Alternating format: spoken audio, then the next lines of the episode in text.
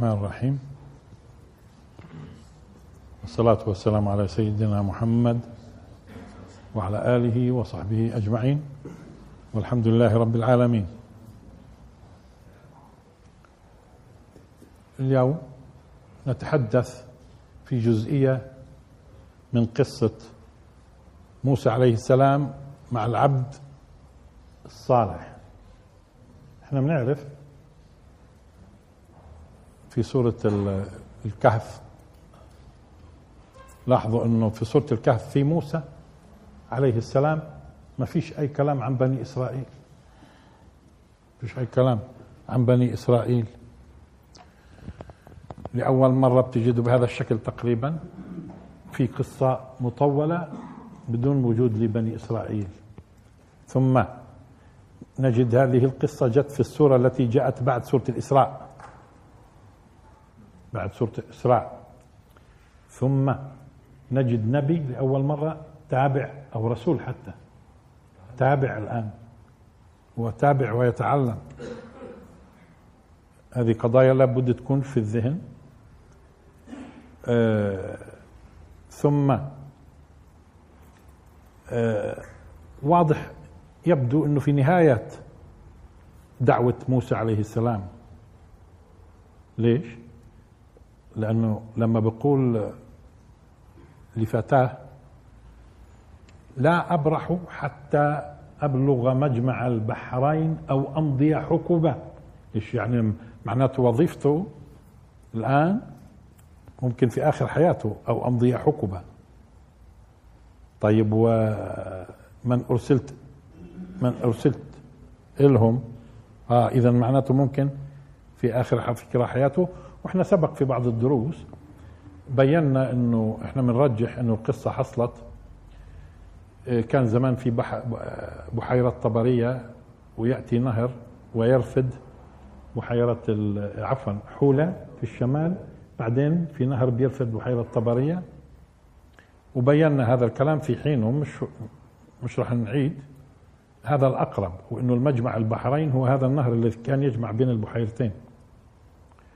ولأنه آخر زمان موسى عليه السلام كما تروي العهد القديم. مش ملزمين فيه ولكن هكذا يروى إنه كان في جبال شرق الأردن. وعلى أي حال الأحاديث الصحيحة بتقول إنه مات قريب من الأرض المقدسة. قريب الأحاديث الصحيحة اللي هي فلسطين يعني ولم يدخلها. القصة مثل ما أنتم لاحظتوا اولا لما بيلتقي مع الخضر طبعا اسمه الخضر. في ناس بيقولوا خضر بعرف ليش بيقولوا خضر. الخضر القصة موجودة في اسمه موجود في الأحاديث الصحيحة أنه الخضر في الأحاديث الصحيحة. أما كونه نبي أو مش نبي هو الخضر بس واضح الأرجح إذا بدنا نأخذ الأمور على ظاهرها الأرجح أنه نبي. ليش؟ لأنه في نهاية القصة إيش قال؟ وما فعلته عن أمري. يعني كل اللي فعلته هذا مش عن أمر أمرتني في نفسي. لا واضح إنه وحي. وحي. فوجد عبدا من عبادنا آتيناه رحمة من عندنا وعلمناه من لدنا علما وهي بقول وما فعلته عن أمري. هذا كله أنا مأمور فيه. لذلك الأرجح أنه نبي. الأرجح أنه نبي وأنتم بتعرفوا يعني ومش كل الأنبياء ذكرت اسمائهم في القرآن الكريم. القرآن الكريم ذكر بعض الأسماء لأنه لا يعقل أن يذكر كل الأنبياء أصلا. وإن من أمة إلا خلا فيها نذير. لكل أمة رسول. مش هيك؟ اذا أحيانا يذكر الرسل بدون اسمائهم إذ أرسلنا إليهم اثنين فكذبوهما فعززنا بثالث هي في ثلاث رسل. ما بنعرف أسمائهم إذ قالوا لنبي لهم هي في نبي ما ذكرش اسمه. إذ قالوا لنبي لهم اذا إحنا ممكن ما يذكر أسماء بعض الأنبياء والان بغض النظر كم هم الأنبياء وكم الرسل عبر التاريخ سبق تحدث طيب الآن. بيركبوا في السفينة. طبعا في البداية هل أتبعك على أن تعلمني مما علمت؟ رشدا. إيش قال له الخضر؟ إنك لن تستطيع معي صبرا. طب ليش؟ هو متأكد على فكرة انه موسى عليه السلام لن يصبر. لأنه هي قصة الخضر على فكرة ببساطة كثير من الناس مش عم بيفهموا القدر القدر. فالله سبحانه وتعالى جعلنا جعل لنا الآن القدر المخفي القدر المخفي اللي أحيانا إحنا ما نستطيع نفهم الحكمة من الأحداث اللي بتحصل أحيانا والقدر فالله سبحانه وتعالى جعل لنا آه، أو أو بعث الخضر هذا في أحداث معينة مع موسى عليه السلام عالم ومتعلم ولكن اتصال بالوحي حتى يكشف لنا بعض أسرار القدر. بعض أسرار القدر. لذلك هو قال له أنا هذا الشيء اللي عندي؟ أنت مش رح تقدر تصبر. ليش؟ لأنه موسى عليه السلام سيحكم على ظاهر الأمور. وأنت من الناحية الشرعية كمسلم عليك أن تحكم وتحاكم الأمور إلى ظواهرها. حتى يبدو لك شو كاين بواطنها وإيش الحكمة من الموضوع هذا هذا لما بيبين. فيما بعد. إذا قدرت ممكن أحيانا على فكرة بعض الأحكام الشرعية بنجد الناس في بعض الأحكام الشرعية مش عم بفهموا آه، حكمة التشريع. بفهموش حكمة التشريع. آه، وبالتالي المؤمن غالبا إذا بتلاحظوا بيتهم فهمه. أحيانا في بعض التشريعات أنت مش ما بتستطيع تدرك الحكمة. ليش؟ بارك الله في الشيخ. ما بتستطيع تدرك الحكمة ليش أنت؟ لأنه اولا أنت أنت تقر تماما إنك إنك دائما قاصر. يعني الإنسان دائما قاصر. ودليل إنه دائما قاصر في فهمه وعلمه إنه دائما بتعلم. هذا اللي بتعلم وبيزداد علم شو معناته؟ إنه دائما في حالة من النقص. ثم هو يدرك إنه حكمة الخالق لا يستطيع بشر إنه يحيط بحكمة الخالق. وبالتالي مش كل ما إنه استشكل علينا أمر معناته ما فهمناش إحنا. إذا كان يفترض معناته في الشريعة تكون على صورة ثانية لأنك أنت ما فهمتش. ليش أنت أنت بتقول إنك أنت ملم يعني تماما بالحكمة؟ لا. ثم بعض الأحداث مش فقط فهم الشريعة. وأحيانا فهم الأحداث اللي بتحدث بعض الناس ممكن يلحد على فكرة. ممكن بعض الناس يلحد لما يشوف أحيانا شرور منتشرة وهنا وهنا وسيطرة طغاة وسيطرة جبابرة ودماء تسيل أو أو يرى زلزال بيذهب بيذهب مدينة فيها خمسين ألف حصل ها وأكثر. آه، زلازل ياما سمعنا في حياتنا وشفنا زلازل في مدن تذهب بالصغير والكبير بالآلاف المؤلفة. في ناس لما ينصدموا بهذه الصدمة هذه مدخل عند البعض للإلحاد إنه مش قادر يفهم. قادر يفهم وكأنه بيعتبر إنه الدنيا هي نهاية المطاف وإنه هو يعني يستطيع أن يفهم كل شيء. الآن جت قصة الخضر. إذا بتكشف لنا بعض أسرار القدر. ولكن لابد أن نركز. لما بدنا الآن نتناول بعض الآيات. إنه هو واضح إنه لا يتصرف الخضر بصفته إنسان لا هو بيتصرف بأوامر ربانية. الآن هو لذلك في بعض الناس بيحاول بيحاول إنه يقول لا هو ملهم. لحظه مش نبي ملهم. ملهم والملهم بقتل بقتل لأنه بتوقع الملهم والملهم بيعرف إنه هذول الصغار رح يكبروا اللي الجدار اللي أقامه بيعرف إنه هذول الصغار رح يكبروا وبعد ما يكبروا بدهم يستخرجوا الكنز؟ يعني ب... يعني بيبلغ أشدهم كمان؟ يعني بيعلمها هو الملهم؟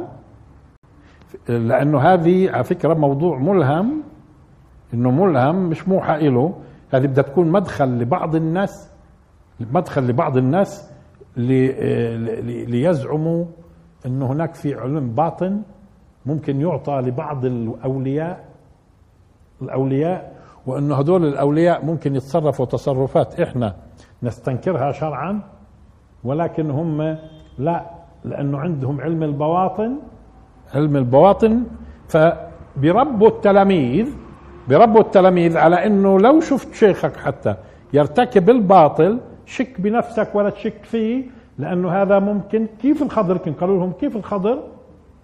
وكيف مع موسى؟ لا هذا ضلال مبين.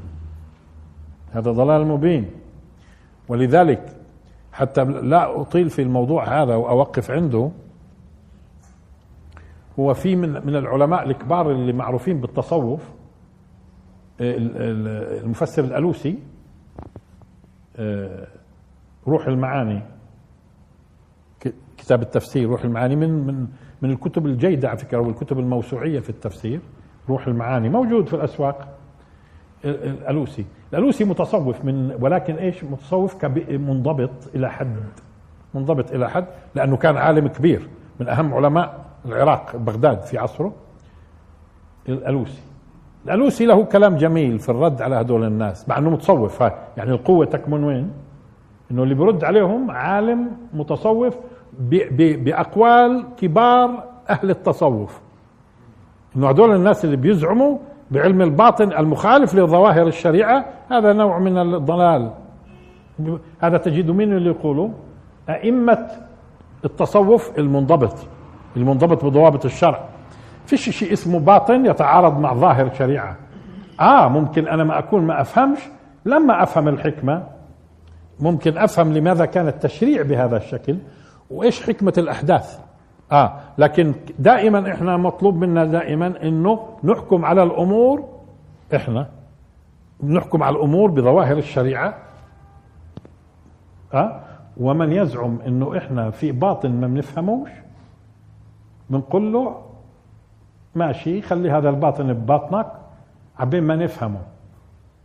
نشوفه بتعارض مع الشريعة ولا بتعارضش؟ قالوا الشريعة والحقيقة قال. الشريعة والحقيقة إيش؟ طب ما هو الشريعة والحقيقة عند كبار المتصوفة المنضبطين دائما الحقيقة والشريعة هذول منسجمات مع بعض. ما فيش تعارض بين ما يسمى حقيقة وشريعة. آه هذا باختصار لأنه مش موضوعنا نركز عليه. ولكن بكفي كما قلنا في كلام طيب للألوسي في الرد على هؤلاء ويستشهد بأقوال كبار أهل التصوف من علماء الأمة الذين يدينون من يزعم بالتعارض بين الحقيقة والشريعة. خلصنا من هاي في موضوع الخضر. الخضر عم بقول له أنت ما بتقدرش تصبر. لن تستطيع معي صبرا. ليش؟ لأنه بيعرفوا رسول وبيعرفوا أنه موسى عليه السلام الذي لا يسكت على باطل وبده يفهم. فكيف بده يصبر يعني؟ وهذا هو شأن كل مسلم. إحنا ما بنصبرش على هدول الناس اللي بيقولوا في علم باطن طالما شايفين إحنا إنه مخالف للشريعة. نصبرش عليهم. ولكن إيش اللي جعل موسى عليه السلام يحاول يصبر؟ لأنه اولا موحى له من الله إنه تلتقي مع عبدي فلان. خلاص. هذا وحي. ما يقولوا ليش إلهام؟ كيف؟ شو شو الإلهام هذا؟ هو في إلهام بس هون في موضوعنا ملوش علاقة بالإلهام. هون يأمر الله سبحانه وتعالى. موسى عليه السلام. الكليم موسى عليه السلام. يذهب للمكان الفلاني يجد عبد. فوجد عبدا من عبادنا آتيناه رحمة من عندنا وعلمناه من لدنا علما. وفي الأخير شو بقول؟ وما فعلته عن آمري. خلاص كلها أوامر ربانية هاي. ما يقعدوش يقولوا إلهام. طيب إيه، موسى فاهم. عارف إنه هذا هذا اللي أمرني فيه الله لاحظوها وهذا الشخص عنده علم الله سبحانه وتعالى قال لي مش موجود عندي والآن بده يعلمني. حاول يصبر.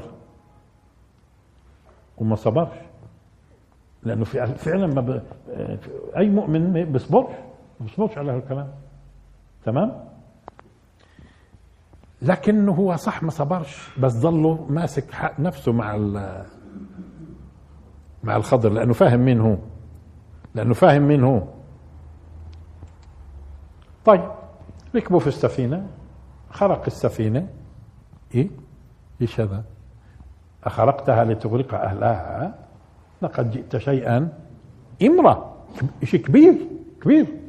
إيش هذا؟ كبيرة هاي. يعني إذا مش فقط اعترض عليه ووصفها بأنها كبيرة. إيش الشغل هذا؟ إيش الشغل هذا؟ وهذا اللي لازم أنت تفعله. تستنكر ما ظاهره مستنكر. هذا لا إحنا إحنا الآن بنتعلم من اثنين ها؟ إحنا بنتعلم من اثنين. نتعلم من موسى عليه السلام ونتعلم من الخضر. مش من واحد. طيب. فانطلق بعد قصة السفينة حتى إذا لقي غلاما فقتله. نوقف عنده. غلام هون شوية. غلام. غلام وهذه على فكرة كثير يعني قصة غلام جابت إشكالات. أولا غلام هو غالبا له علاقة بالغلمة. شو هي الغلمة؟ اللي هي اللي هي شدة الهياج الجنسي. شدة الشهوة الجنسية. الغلمة. ولذلك الغلام ممكن يكون بالغ. لاحظوا لأنه هي أصلا الغلمة شدة آه، آه، الشهوة الجنسية في الأصل لغه الغلمة. فهو غلام. طب غلام بالغ ولا مش بالغ الآن؟ لاحظوا اذا في احتمالين. احتمال يكون بالغ احتمال يكون مش بالغ. طب ليش بقول احتمال يكون مش بالغ؟ مع العلم إنه الغلمة هي شدة إيش؟ الشهوة الجنسية. ليش بقول ممكن؟ لا مش بالغ. آه لأنه الذكر الولد الذكر إحنا بنسميه غلام حتى لو كان مولود اليوم. بس بعض الناس بيقول إنه هو يسمى غلام مع إنه مولود اليوم وبعده ما بلغش. ما بلغش. لأنه آه، آه، آه، زي ما اعتادت العرب تقول عن الصحراء مفازة استبشار بإنه لانها هي مهلكة الصحراء مهلكة مش هيك؟ فصاروا يقولوا عنها مفازة استبشار. ولما يقولوا عنه غلام كأنه إيش؟ ترجي واستبشار إنه هذا يبلغ درجة الغلمة يبلغ. لأنه غالبا بعد ما يبلغ على فكرة بصير مخاطر خصوصا زمان. لما بيبلغ بصير مخاطر موته أو كذا أقل أقل لأنه إذا بتلاحظوا من أول ما بنولد المولود بيكون في خطر كبير. كل ما كبر بنصير نطمئن عليه. لما يبلغ تمام بلغ ابني تمام؟ فهم بسموه غلام ليش؟ استبشار بمستقبله. فإذا فيش إشكال في تسمية الصغير غلام. في بعض الناس شو قال؟ وهذا يعني نادر في بين أهل اللغة. بعض الناس قال لا هي مش شدة الشهوة الجنسية الغلمة أو قضية الغلام. وإنما شدة الشهوة نفسها بدون كلمة جنسية لأنه بتلاحظوا دائما أنتم على الأطفال الصغار حتى يبلغوا وبعد ما يبلغوا كمان بيكونوا دائما شهوتهم ظاهرة يعني بيعلنوا عنها فورا بصير يبكي وبدي وكذا وبيهجم على آه, آه بظهر شهوته وبهجم على رغباته لتحقيق رغباته بدون انضباط. فبظل في موضوع الشهوة إذا موضوع الظلمة والغلام بظل في موضوع الشهوة على فكرة. هل هي الشهوة الجنسية؟ ولا ظهور الشهوة في هذا الكائن الصغير أو هذا الإنسان الصغير اللي بيعلن دائما عن شهوته؟ تمام؟ ممكن. بس هي غالبا عند أهل اللغة أكثرها أنه بيكون من الغلمة. فممكن يكون بالغ. يعني لما كانوا يقولوا يا غلام ناولني كذا. ممكن هالغلام هذا يكون 14 و15 و16 و17 الغلام. يعني بمعنى آخر ممكن اليوم إحنا بنقول المراهق. إحنا بنقول المراهق. هذه الفترة اللي بتكون الشهوة الجنسية متعججة. بدأت تتعجج مش هيك؟ بنسميه إحنا إيش؟ مراهق. مراهق. اذا هو الغلام هذا اللي قتله بالغ ولا مش بالغ؟ الاحتمالين واردات. راح نشوف إنه مش مهم يكون بالغ ولا مش بالغ. راح نشوف إن شاء الله. إنه مش مهم يكون عندنا بالغ ولا مش بالغ يعني لها تفسير سواء كان بالغ أو مش بالغ الغلام الغلام حتى إذا لقي غلاما فقتله. قال أقتلت نفسا زكية بغير نفس؟ لقد جئت شيئا نكرا يعني في غاية الاستنكار. إيش هذا؟ القتل. لاحظوا. ما صبرش. ما صبرش. بعض الناس يعني وقف عند نفسا زكية لا لا لا هو ببساطة وقفوا وتاهوا يعني في في مسارات. هي ببساطة أي نفس بشرية لم يثبت عليها أي نفس بشرية لم يثبت عليها ما يستحق العقوبة فهي نفس زكية. أي نفس. الأصل في الناس البراءة حتى يثبت العكس. فإذا هو حكم موسى عليه السلام على أي أساس؟ أنت ليش قتلت هذا الإنسان؟ البريء. لأنه الأصل في الإنسان إيش؟ البراءة. والأصل أحكم على الظاهر أنا. هو ممكن يكون مش بريء في بواطنه. لكن أنا شو مطلوب مني؟ ظاهره البراءة. قتلت نفسا زكية بغير نفس. وبعدين بتعرفوا قصة؟ آه، لأني الآن بديش أفسر هاي. آه، قصة الجدار.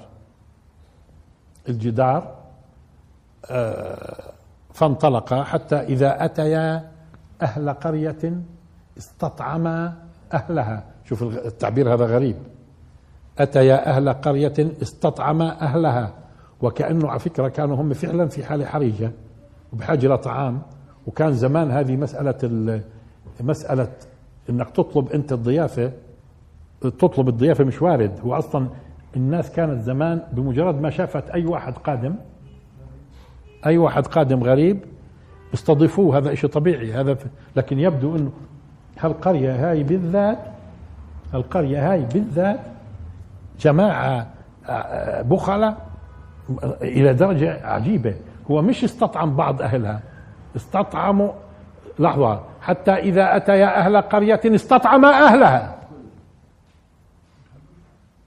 وكم يا جماعة يا, يا أهل البلد ميتين من الجوع. بلاش ميتين من الجوع يا أهل البلد إحنا ضيوف شايفينكم ضيوف شايفينكم. وتعبوا. تصور؟ إيش؟ أنو بيعملها هاي؟ أنو بيعملها فهاي مين هي هاي القرية هاي؟ من القرية هاي؟ شو هالناس هدول؟ على كل أحسن من قوم لوط. هذولاك بقطعوا الطريق كان. هذول الساعة بقول لك إحنا بنضيع فيش يا جماعة إحنا م... يا أهل البلد. لاحظوا التعبير؟ حتى إذا أتيا أهل قرية استطعم أهلها فأبوا أن يضيفوهما. طيب وبتعرفوا القصة إنه كان في جدار مايل فأقاموا. الآن بدنا نهتم بتفسير بتفسير, بتفسير تفسير التأويل. تأويل مين؟ آه, آه الخضر على فكرة هم أتيا أهل قرية. والجدار وين كان؟ في القرية مش هيك؟ آه، أما الجدار فكان لغلامين يتيمين في المدينة. قرية ومدينة. وخلينا نوقف هون وقبل هيك. إيه، إيه، نمر مرور سريع. لما الله سبحانه وتعالى بيقول إنما الصدقات للفقراء والمساكين للفقراء والمساكين المساكين. هو إيش الفرق؟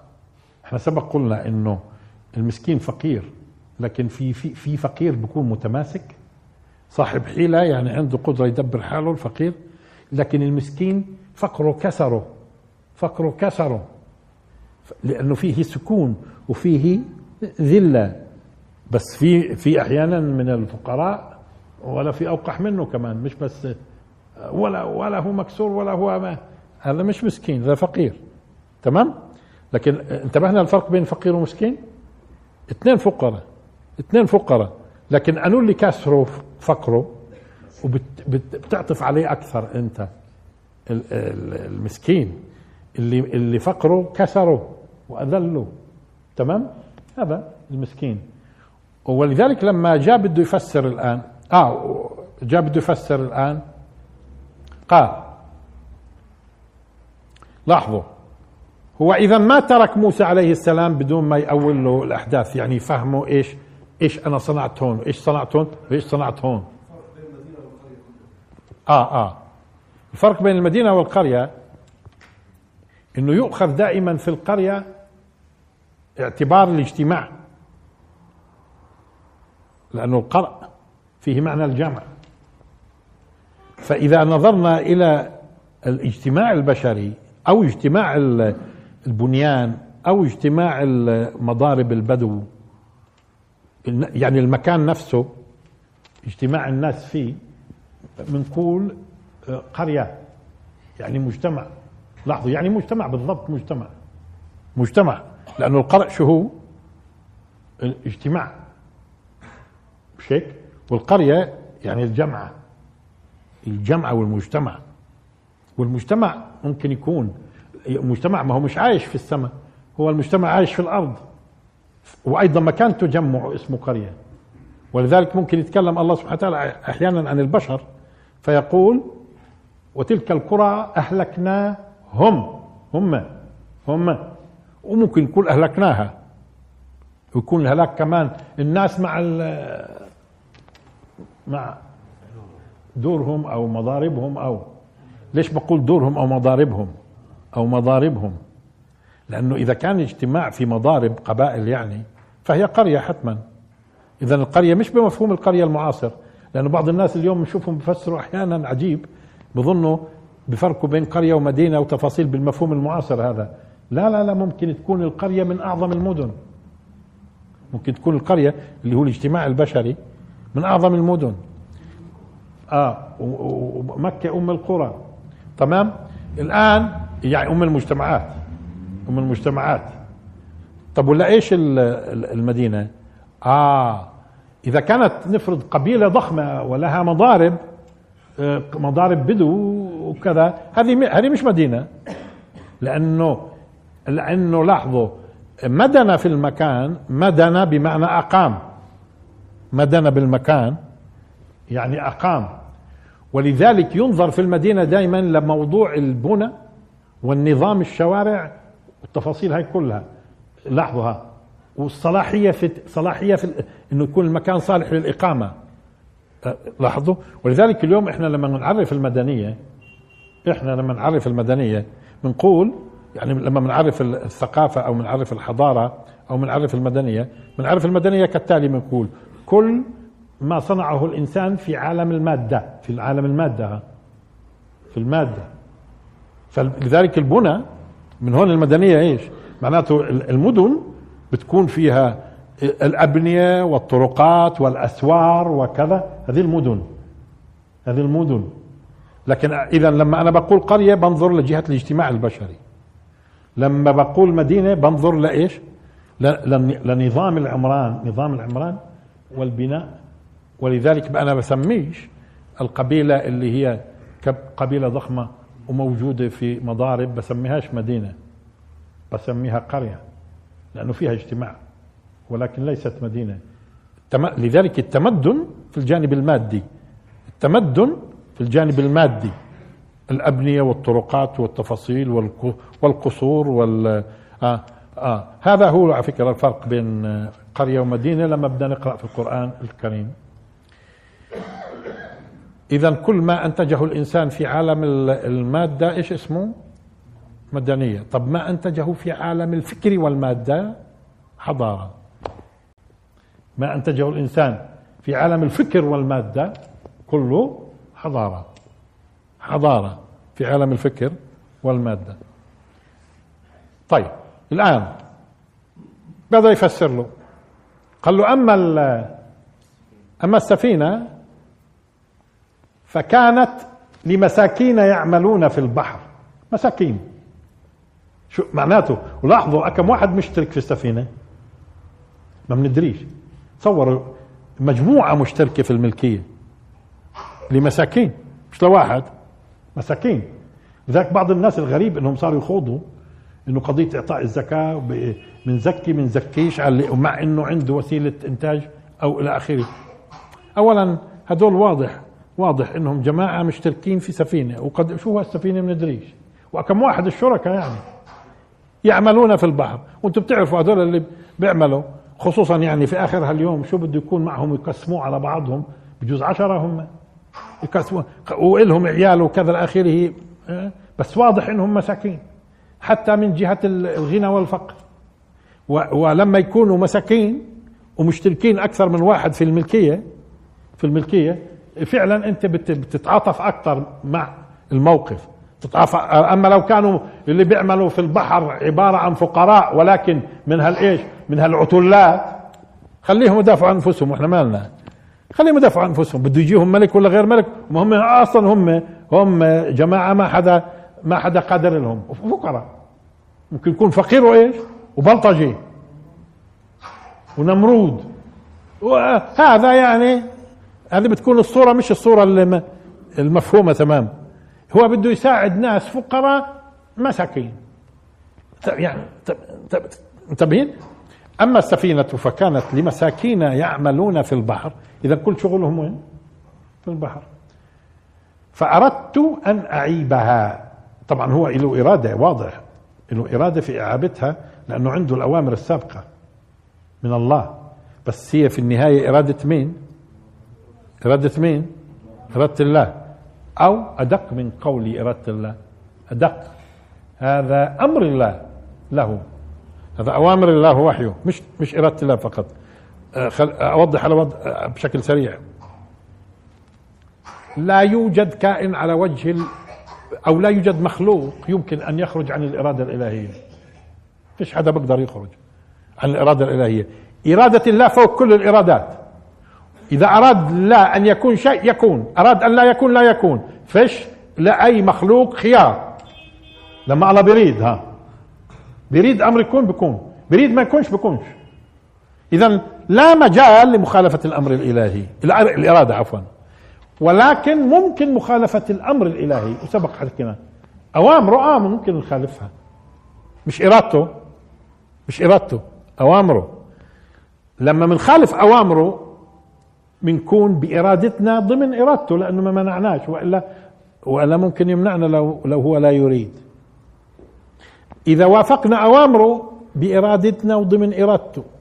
إذا وين ما تروح ضمن إرادته؟ وين ما تروح ضمن إرادته. لكن بحاسبك يوم القيامة ثواب وعقاب على إيش؟ وافقت الأمر أنت ولا خالفت الأمر؟ مش وافقت الإرادة ولا خالفت الإرادة. فيش مجال تخالف الإرادة. تمام؟ فهو كان الله سبحانه وتعالى آمره ومعطيه فكرة. ولكن ضمن الأمر الإلهي هو أراد الآن أنه يعيبها. أردت أن أعيبها. ليش؟ شوف جاء التعليل بطريقة الجميلة. فأردت أن أعيبها وكان وراءهم ملك يأخذ كل سفينة غصبة. صار واضح الآن. لما العلماء قالوا يأخذ كل سفينة صالحة. ليش عم بيقولوا صالحة على فكرة؟ دائما لما يجوا يفسروا يأخذ كل سفينة صالحة بضيفوا كلمة صالحة. لأنه مفهوم أردت أن أعيبها مشان ما يأخذهاش الملك. معناته الملك شو اللي بيأخذه؟ بدي أعيبها مشان ما يأخذهاش الملك. ليش هو الملك بيأخذش إلا الصالحة؟ آه هيك خلاص. فقدروا إنه المعنى إيش معناته هذا هذا على فكرة من من الحذف البليغ من الحذف البليغ. يعني طالما مفهوم من السياق ليش لا يذكر؟ ليش لا يقول آه، سفينة صالحة؟ ما هو هي قال أردت أن أعيبها. خلاص معناته مشان ما ياخذهاش الملك معناته الملك إذا لاحظ عيب بياخذهاش ذواقين الملوك إذا بتلاحظوا بيأخذوش إلا الشيء اللي تمام. عندهم ذوق في الموضوع. ها؟ وليش يغلب حاله؟ يعني يروح يأخذ شيء آه آه آه لا لذلك أكثر ما يعتدى أكثر ما يعتدى على أموال الكبار بيروحوا شو يعتدوا الملوك؟ على على أموال الصغار يعني يروح يأخذ دجاجات المرأة آه أو يأخذ بسكليت من ولد صغير في الشارع. الملك بياخذ هيك؟ الملك بياخذ وعلى فكرة يعني اليوم اليوم خصوصا في مصر على فكرة كثير هذول من الكبار الان يبتزوا. هذول حتى اللي في السجن من قبل الثورة ومن بعد خصوصا أصحاب الملايين والمليارات. أيوه يا أخوي قديش تعطينا مشان ندبرك ونطلعك قديش تعطينا؟ طبعا اليوم في منهم زي فلان أو فلان هدول مستعد يدفع. مستعد يدفع. وبعدين بدبروا له إياها شوية هيك في آه، آه، يعني آه، قضاء. ما هو القضاء؟ ما هو إيش القضاء؟ مش هيك؟ خلص. بيكون بيكون انتبهوا بيكون دافع. لا يكون بدافع بيكون دافع مليون ومليونين وثلاث. هذول خصوصا اللي زي هشام طلعت هذا اللي وراه مليارات. هذا بدفع بدفعوه يعني مليون ومليونين. لا يكون. طب هو مبارك من أول سحب منه مشان ما ينعدمش. أبصر قديش سحب مبارك لحاله.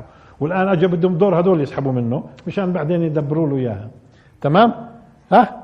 ولا هو مبارك ليش حكم عليه بالإعدام على فكرة؟ طب ما هو ما قتلش الزلمة. الزلمة بعت واحد قتل. طب شو هال شو هالقانون هذا؟ شو هالقانون؟ إيه حاسبوا اللي قتل. ما هو اللي قتل بالغ عاقل وبعدين يعني محترف. أنا أعطيته مصاري مشان يقتل. في أي قانون يعني أنا أقتل؟ آه اسجن مؤبد بفهم. بس حكم عليه مؤبد ليش؟ حكم عليه مؤبد ليش؟ مشان بعدين آه، لما بده يشوف حاله مات أبو المليارات بصير يدفع. بصير يدفع. وفعلا فعلا عملوا له كمان محاكمة وفي أيام مبارك في أيام مبارك عملوا له كمان محاكمة وخلصنا. ها واليوم أظن له هيك برضه بعض الشغلات هذا اللي أجوا بعد.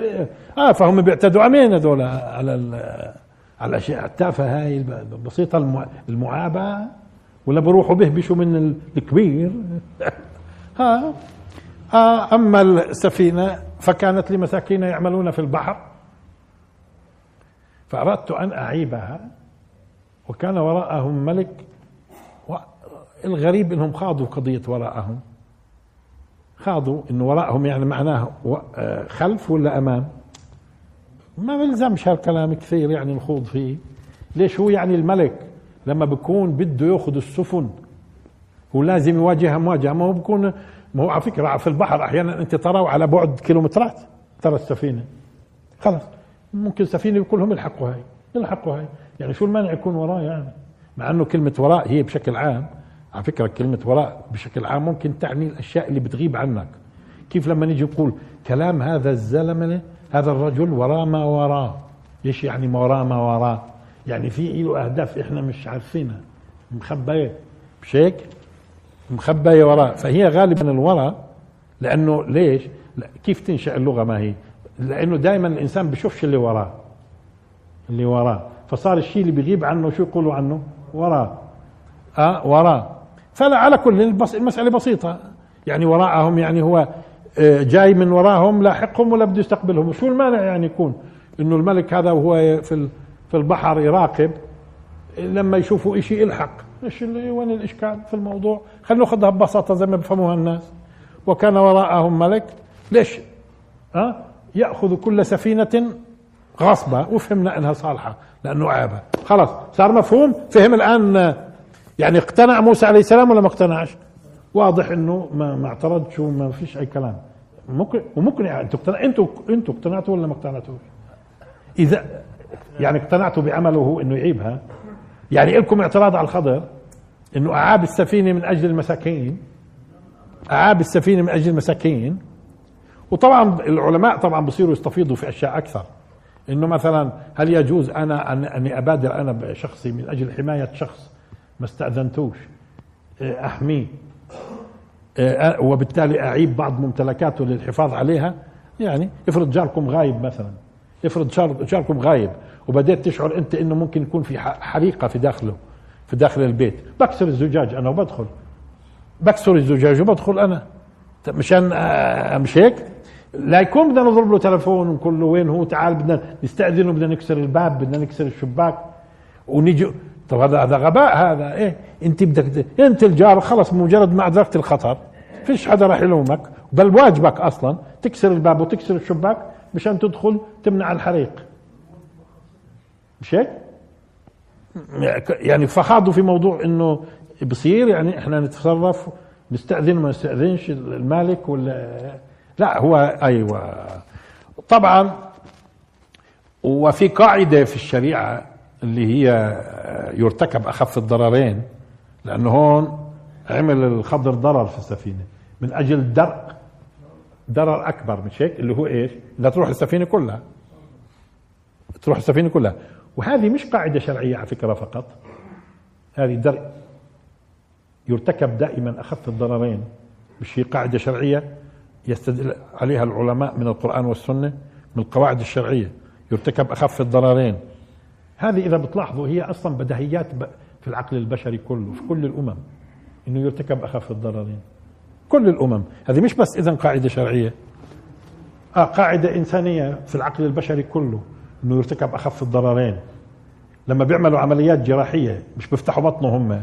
لما بيعملوا عمليات جراحية مش بيفتحوا بطنه بيفتحوا بطنه. طب هذه ضرر ولا مش ضرر؟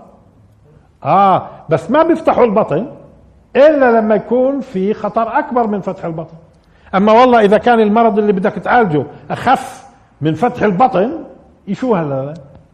مش هيك بتعملوا أنتم أو ناويين تعملوا؟ آه فهاي قضية أخف الضررين. ليش الكورتيزون اللي بيعطوه هذول الأطباء؟ الكورتيزون. طب ما هو مضر. ما هو مضر. بيجي بقول لك طب ما أنا بعطيهوش إلا لواحد. إذا ما أعطيته الكورتيزون بروح فيها. ما هو خليه يا أخوي يتضرر ولا بالمرة مش هيك اللي بصير؟ طب وإذا بكرة اكتشفوا غير الكورتيزون اكتشفوا دواء ملوش أضرار الكورتيزون ويعالج. بصير الكورتيزون حرام أصلا وبيمنعوه. البشر بيمنعوه مش بس الدين. البشر بيمنعوه مش بس الدين. ليش؟ لأنه هي عندك خيارات أنت. شو هاي ما عادش فيها ارتكاب أخف الضررين. ليش بتضره أنت؟ ما هي في دواء. ما هي في دواء بضرش تمام؟ ولذلك في أدوية أحيانا بتنتشر سنة سنتين 10 20 بعدين بيمنعوها. طب ليش منعتوها؟ لأنه وجدنا أدوية ثانية ما لهاش العوارض. زمان كانت إحنا مرتكبين أخف الضررين. العوارض اللي هي ضرر مع المرض أكبر بكثير فبنعطيه مع العوارض. الآن طب طب الآن في أدوية بدون عوارض ليش تعطيه أنت؟ تمام؟ فهذه إذا قاعدة ارتكاب أخف الضررين اللي مارسها هنا هو أصلا مش قاعدة شرعية فقط. ها؟ وهي أصلا عند كل البشر هذه. طيب هذا السفينة. أما الغلام الآن بده يفسر له قتل الغلام. أما الغلام فكان أبواه مؤمنين. الأب والأم هون أبواه. مش هيك ورفع أبويه على العرش. أبوه وأمه. يعني بدناش نخوض في اللغة إنه مرات في في بعض في اللغة أصلا القديمة في أبا كمان مش أب. مش موضوعنا. المهم أما الغلام فكان أبواه مؤمنين. شوف هذا معناته أنتم يا محترمين أنتم المؤمنين قديش ممكن الله بيصرف عنكم أمور وأنتم مش دارين؟ قديش بيصرف لكم مصالح وأنتم مش عارفين؟ لأنه هذا الكلام كلام هذا الكلام اللي أمامنا هو كلام عالم القدر. بيكشف لنا عالم القدر. وكيف الله سبحانه وتعالى بيصرف الأمور. هذه آه لاحظوا أما الغلام فكان أبواه مؤمنين. مؤمنين شو هذه قديش مهمة لكم كمؤمنين. شوفوا قديش يعني غير المؤمن والكافر شقي. المؤمن في رعاية. أما الغلام فكان أبواه مؤمنين فخشينا أن يرهقهما طغيانا وكفرا. هون هون لاحظوا. خشينا أن يرهقهما طغيانا وكفرا. بعدين نيجي خشينا. مين اللي خشي يعني؟ تمام؟ مين اللي خشي؟ مين اللي خشي؟ فخشينا أن يرهقهما طغيانا وكفرا. فخشينا أن يرهقهما بطغيانه وكفره. إذا ما يروحوش لموضوع إنه بعده صغير ومش ممارس الكفر ومش ممارس الطغيان. مش صحيح. غلام بغض النظر بالغ ولا مش بالغ؟ يعني ابن 15 ولا ابن 16 ما هو مرات ابن 15 مش بالغ بكون على فكرة. ابن 15 مش بالغ. وخلينا أعطيكم حكم مطبق الآن في في المحاكم الشرعية. ومأخوذ من مجلة الأحكام العدلية العثمانية. إنه من لاحظوا ما بيقبلوا في المحكمة الشرعية أي دعوة ببلوغ طفل لم يبلغ 12 حتى لو كان بالغ لأنه في عندنا بيبلغوا بنت تسعة مرات. بنات بنت تسعة وبنت 10 وبنت 11 المحكمة الشرعية بتقبلش أي دعوة في البلوغ قبل 12 ولما يصير 15 بالغ حكما خلاص. حتى لو مش بالغ. لما يصير 15 بيعتبروه بالغ حكما حتى لو مش بالغ. ذكر وانثى ذكر وانثى اذا لا تقبل أي دعوة قبل 12 بأنه بالغ ولو بالغ. بعد ال 15 لا تقبل أي دعوة بالطعن في إنه بالغ ولا مش بالغ خصوصا هدول الأب والأم لما بصيروا بدهم يتكلموا في الحضانة. ولمين الابن وين الحضانة؟ بلغ ما بلغش. تمام؟ 15 معناته بالغ خلاص حتى لو ما بلغش. الآن هذا مأخوذ عن عن عن التشريعات العثمانية ولحد الآن ماشي في تصوري إذا ما غيروهاش الآن هجري آه بالسنوات القمرية. الآن طب ممكن هذا عمره 15 ومش بالغ. غلام. و16 وبالغ و17 وبالغ غلام. لكن واضح من الآيات إنه الآن بتشوفوا ليش؟ إنه بيمارس الكفر والطغيان. بغض النظر مؤاخذ شرعا أو غير مؤاخذ. إذا كان مش بالغ يمارس الكفر والطغيان وهو مش مؤاخذ. يعني لو مات عليها مش مؤاخذ. لا آه ما هذا اللي بديش إياه على اعتبار ما سيكون. أنا مشان أقول ليش على اعتبار ما سيكون؟ ليش بيجي لأن هاي بتدخلنا في مسائل في مسائل فلسفية موضوع إنه ليش؟ ما أنتم تفترضوا واحد من اثنين. يا إما بالغ ابن ابن 14 أو 15 بالغ أو مش أو مش بالغ. أو مش بالغ. وقت بنشوف هاي وهاي. المهم بيمارس الطغيان والكفر. أنتوا بتشوفوش ابن 14 بيبقى شرير ومغلب أهله؟ بتشوفوش ابن 14 وبعده مش بالغ. غلام. بعده مش بالغ مع إنه الغلام لازم يكون بالغ في الأصل. طيب وممكن تشوفوه كمان ابن 16 و17 وممكن يرتكب جرائم. لذلك فخشينا لاحظوا إيش؟ أن يرهقهما. يعني يوصلهم لدرجة الإرهاق الشديد. والتعب الشديد الإرهاق الشديد.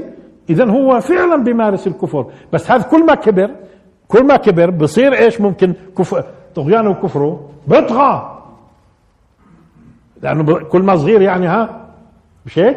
طب هذا إذا نفج شوية على ما هو عليه على ما هو عليه ديروا بالكم مش على ما هو متوقع منه آه على مش على ما هو متوقع. آه المتوقع أيوه المتوقع يا شيخ الإرهاق مش الممارسة الكفران والطغي. لأنه شو معنات؟ اذا هو اللي يخشى أن يصل بالوالدين إلى درجة الإرهاق. وفي ناس قالوا يعني ممكن يؤدي إلى فتنة أبوه وأمه ويكفروا. هذا غير صحيح. هذول المؤمنين هذول المؤمنين إيش يعني؟ إنه هو خشينا إنه يردهم كفار. ما قالش الآية يردهم كفار. قال خشينا أن يرهقهما. إيش طغيانا وكفرا؟ يعني يرهقهما بطغيانه وكفره. يرهقهم بطغيانه وكفره. كيف لما نقول أرهق أرهقه مثلا آه، ظلما؟ إيش يعني؟ أرهقه بظلمه. وهو من كثر ما ظلمه. أرهقه. اذا اللي اللي اللي خشني الخش في المستقبل في فيما يتعلق بالإرهاق مش بالممارسه هو أصلا اللي بدل على إنه هو فعلا كان يمارس الطغيان والكفر مع مع والديه وبجوز يحرجهم مع المجتمع على فكرة. بجوز مع والديه بالذات اثنين لا. بس المجتمع نفسه من حوله بيعمل مشاكل وانو اللي بتلقاها. بيعمل مشاكل وانو اللي بتلقاها. وخصوص شو يعملوا هدول؟ كل يوم خصوصا في المجتمعات القديمة. هذا ابنك.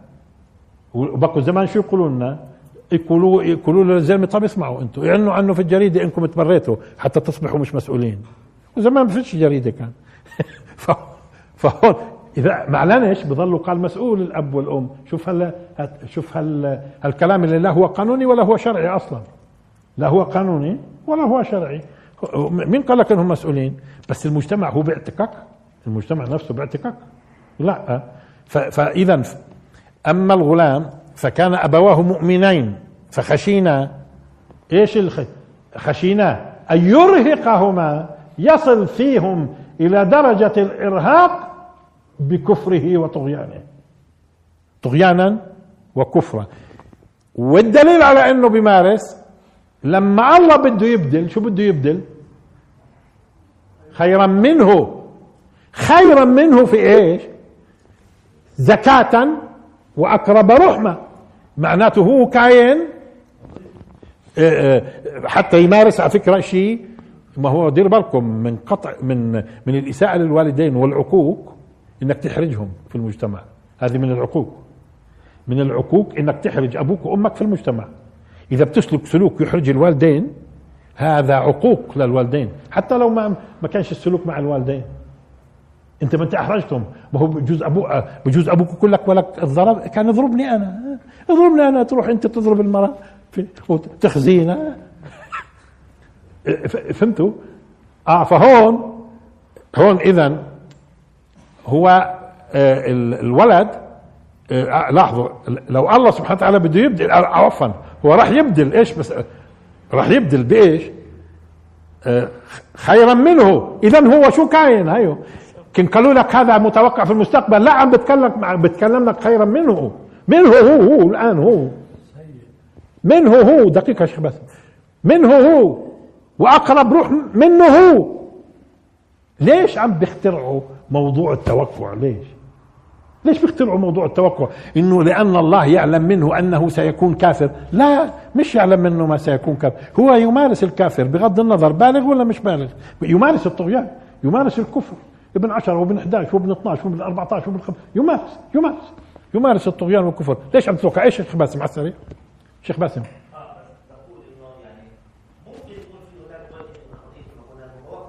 ليش؟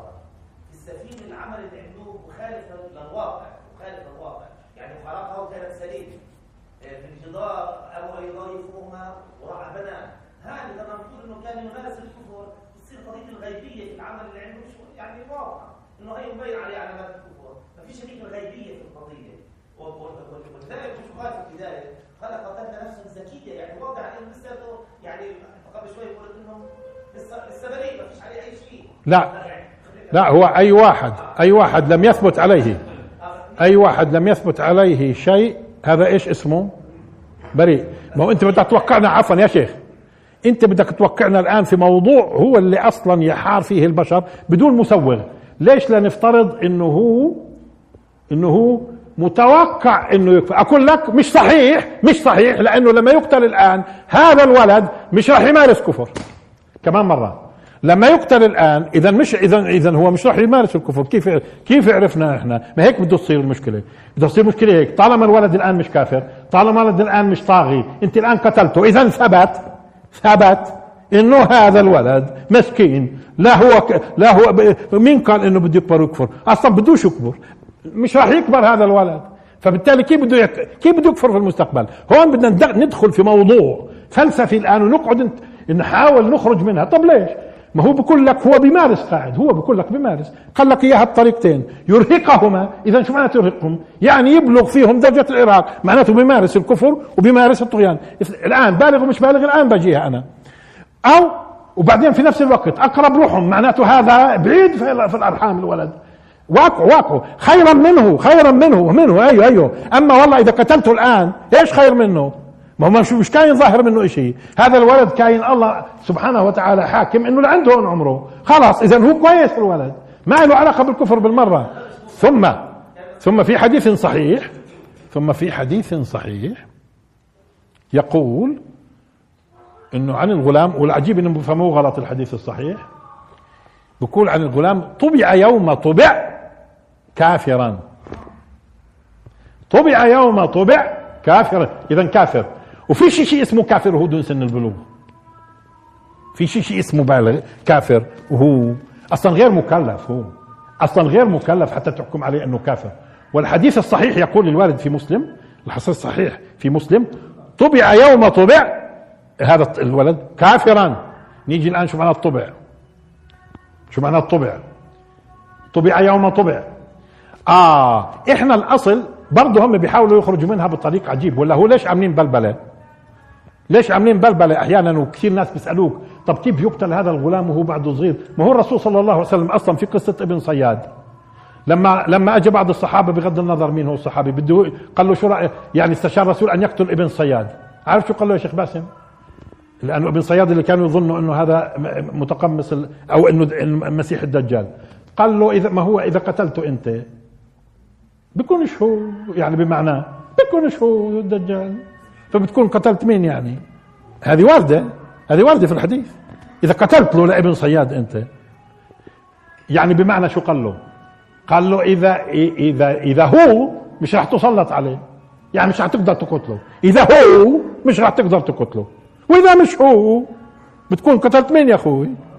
آه. انتبهت وين؟ فهون إيش يعني طبع يوم طبع؟ طبع يوم طبع. أيوه. لاحظوا شو معنى الطبع. اولا القرآن. القرآن استخدم الطبع. وبيطبع فكرة على قلوب مين؟ لاحظ على الكافر والمتكبر الجبار ومين كمان الثالث؟ المعتدين. اذا وهذا معتدي على فكرة كان. طغيانا وكو هذا جامع الثنتين. هذا كان جامع الثنتين. الغلام هذا جامع المراهق كان جامع الثنتين. طغيان والكفر. ولذلك القرآن الكريم يطبع على قلوب كل متكبر جبار آه، كافر معتدي. ولما بيطبع على القلب شو معناته على فكرة؟ لاحظوا. الحالة هاي بدنا نوضحها هيك. الحالة اللي هو عليها انتبهوا الآن. ثبتت. هاي الطبع. إذا كان مؤمن أيوة مؤمن. خلاص ما يمكن. بس الله بيطبعش على قلوب المؤمنين. مش بظلهم يرتقوا المؤمنين. لاحظوا لما بده يطبع الحالة اللي هو عليها هاي طبعنا شو صار؟ خلاص ثبتت. اذا هي دير بالك. بيثبت خلاص ثبت. هيو. فطبع يوم طبع مش طبع لاحظوا لاحظوا تعبير يوم. ما قالش طبع كافرا. ما قالش طبع كافرا. يوم طبع يوم طبع كافرا. اذا كان كافر الولد. الحديث الصحيح في صحيح مسلم. طبع وغير أيوه. اذا يوم الله سبحانه وتعالى حكم إنه هذا كافر. خلاص ما فيش إيمان فيما بعد. لا. هذاك كان بيقول أصلا بصيرش هذا الكلام. مش ورد ما وردش في الدين. ما وردش في الدين مثل هذا الكلام ولا يعقل إنه يطبع إنسان أنه كافر وبعدين يصير يقول له آمن وما تآمنش. هذا هذا يخالف النصوص الصريحة في القرآن والسنة وإنه الإنسان في عنده حرية اختيار.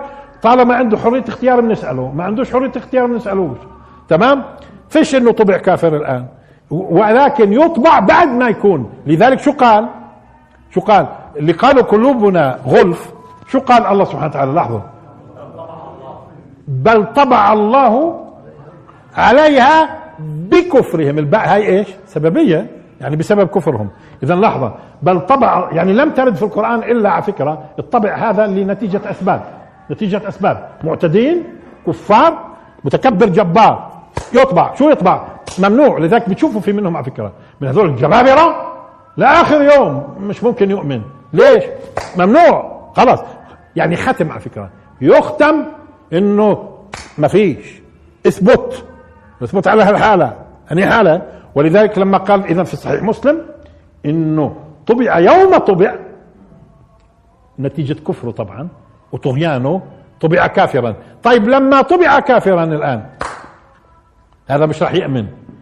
كان وقتها مسؤول ولا مش مسؤول؟ هون مشكلة بسيطة هاي. مشكلة بسيطة. إذا كانه كان بالغ إذا كانه كان بالغ فهو طبع وهو مسؤول عند الله. طبع لأنه طبع كافر. تمام؟ فهو مسؤول. يعني ممنوع تؤمن. إذا في ناس على فكرة يطبع وفي ناس يعطوا المجال حتى وهو يغرغر إنه يؤمن. إن الله يقبل توبة العبد ما لم يغرغر. في ناس ممكن يتركهم حتى آخر لحظة. وفي ناس لا. من أول جريمة جريمتين ثلاث من هالكبار والأشياء اللي بيرتكبها بفكر ها؟ ممكن يخ... انتهى الموضوع. هذا ما كلا بران على قلوبهم ما كانوا يكسبون. انتهى الموضوع. بيختم. فهون. فالآن إذا طبع هو يوم طبع كافرا. طيب الآن مسؤول ولا مش مسؤول؟ والله إذا كافرا معناته غالبا بالغ لأنه كلمة كافرا هاي بتزبطش إلا على البالغين. على البالغين. طيب وطالما إنه مكلف اذا هو مسؤول. طالما إنه مكلف اذا هو مسؤول. بس طب افرضوا مات ابن 14 وكان فعلا يمارس الكفر الإلحاد واستنكار الاديان الدين وكذا إلى اخره وبطغى وبقوم وبحطوا تفاصيل. ها؟ ومغلب أبوه وأمه هالمؤمنين. هذا ممكن إذا كان مش بالغ. صح مارس الكفر لأنه مارس الكفر ولكنه حكمه عند الله بيختلف. حكمه عند الله بيختلف باعتباره مش بالغ. بس كل المؤشرات شو بتقول؟ إنه بالغ. يبدو أنا كنت ناوي أخلص اليوم بس يبدو بيحتاج الأمر لتفصيلات أخرى إن شاء الله في المرة القادمة. وآخر دعوانا الحمد لله رب العالمين.